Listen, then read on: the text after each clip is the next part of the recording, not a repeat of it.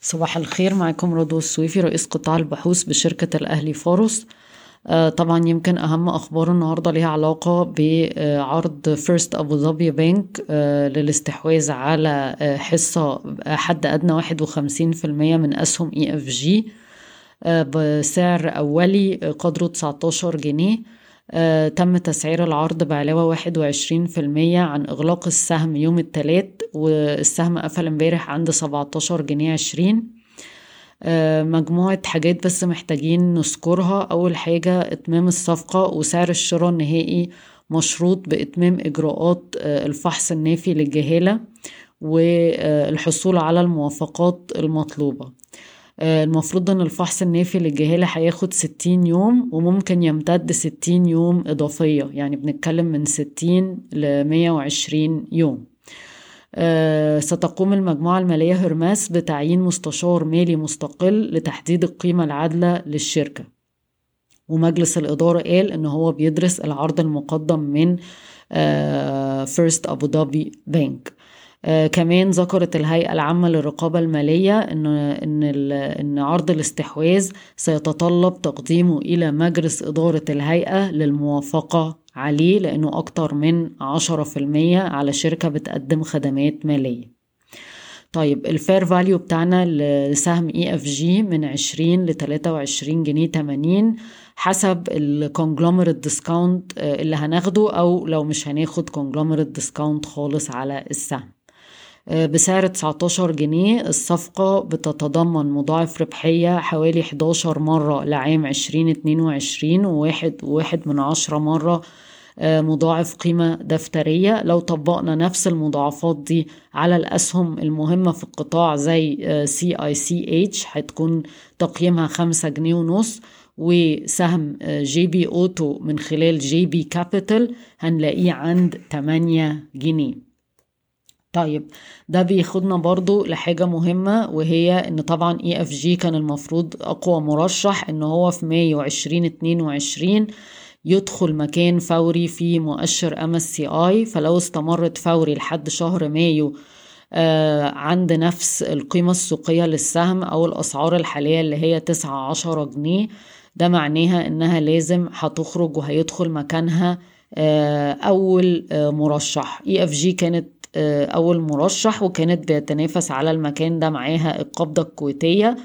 آه، دلوقتي لو EFG هتكون خلاص آه، غير مدرجة هيكون التنافس ما بين القبضة الكويتية وسهم طلعت مصطفى.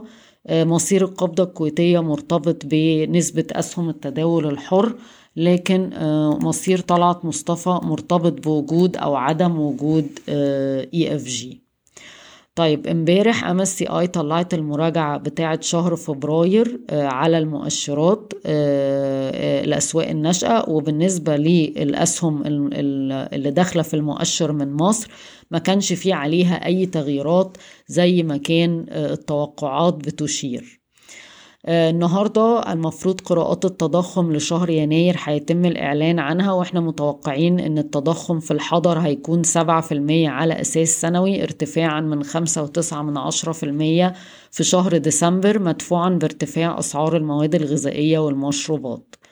تم تشكيل مجلس إدارة آه، المصر الشركة المركزية للمقصة والإيداع وده خطوة هتساعدنا إن السندات المحلية يتم إدراجها في آه، Euroclear وبالتالي تبقى آه، في متناول آه، المستثمرين الأجانب بطريقة أسهل. الدار العقارية عايزة تستثمر خمسة مليار درهم إماراتي أو حوالي واحد ونص مليار دولار في شراء أصول تعليمية وتجارية أو retail sector في مصر والإمارات والسعودية. نتائج أعمال السويدي طلعت امبارح والشركة حققت تلاتة ونص مليار آه، جنيه أرباح في عشرين واحد وعشرين النتائج زي المتوقع بالظبط. ولكن يمكن الحاجة الجديدة أن مجلس الإدارة اقترح عدم آه، توزيع أرباح عن عام عشرين واحد وعشرين. السهم بيتم تداوله عند مضاعف ربحية آه، حوالي خمس مرات لعام عشرين اتنين وعشرين. آه، برضو أفراكزم بانك أعلن أنه هو بيدرس مع السويدي إنشاء فندق في جزر القمر باستثمارات تصل إلى 50 مليون يورو. والشركة القابضة لمياه الشرب والصرف الصحي بدأت تتفاوض مع شركات القطاع الخاص على تعريفة بيع المية من محطات تحلية المية وتقريبا التعريفة ما بين 12 و 17 جنيه لكل متر مكعب. اللجنة في البرلمان وافقت على تعديلات ليها علاقة بالضريبة اللي بتدفع في حالة بيع الممتلكات العقارية. هتبقى رقم ثابت من 1500 جنيه ل 4000 جنيه عند بيع العقار بدلا من 2.5% فهي كده أقل بكتير وهتسهل بيع العقارات. ماكرو هيتم بداية تداولها النهاردة عند أربعة جنيه خمسة وتمانين قرش. بفكركم إن السهم بيتم تداوله عند خمستاشر مرة مضاعف ربحية اتنين وعشرين وعشر مرات اي في تو ابدا بشكركم ويوم سعيد.